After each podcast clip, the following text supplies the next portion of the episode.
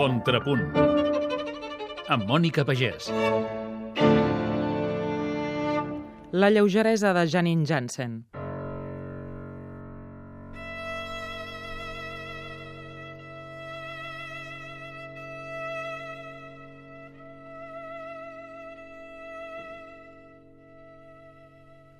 La jove violinista holandesa Janine Jansen va tornar divendres passat a l'Auditori de Barcelona per oferir un recital amb el pianista israelià Itamar Golan, col·laborador habitual dels principals intèrprets internacionals de corda. Un concert que va omplir la sala de cambra Oriol Martorell amb seguidors d'aquesta intèrpret, molts dels quals la van descobrir la temporada 2014 amb el concert per a violí i orquestra de Tchaikovsky que va tocar amb l'OBC. Aquesta vegada Janine Jansen es va poder sentir de més a prop i amb un programa eclèctic que va començar amb dues obres de pes per a violí i piano, la sonata número 2 de Bela Bartok i la sonata número 2 de Johannes Brahms, dues obres magnes del gènere cambrístic tant pel complex llenguatge avantguardista de Bartok com per la densa construcció romàntica que estableix Brahms entre violí i piano, obres en què Janine Jansen va mostrar la seva habilitat per suplir la lleugeresa del seu so, sovint insuficient, amb l'expressivitat del seu cos, tot i que cerqués un equilibri a Itamar Margolan. És a dir, el que no omplia l'oïda s'omplia visualment amb el moviment àgil i enèrgic del seu gest, potser perquè Janine Jansen és un excel·lent producte discogràfic que sembla que es promocioni més amb la imatge que amb la personalitat sonora.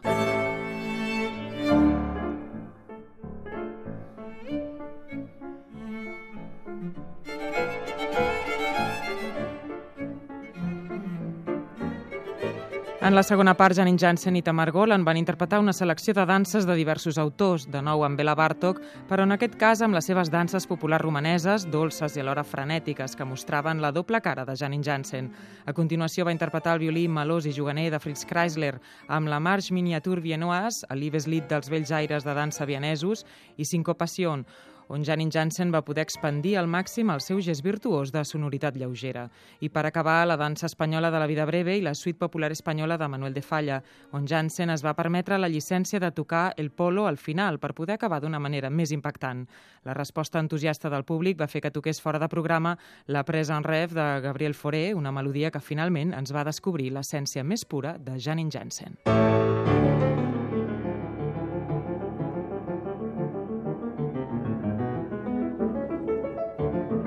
Contrapunt amb Mònica Pagès.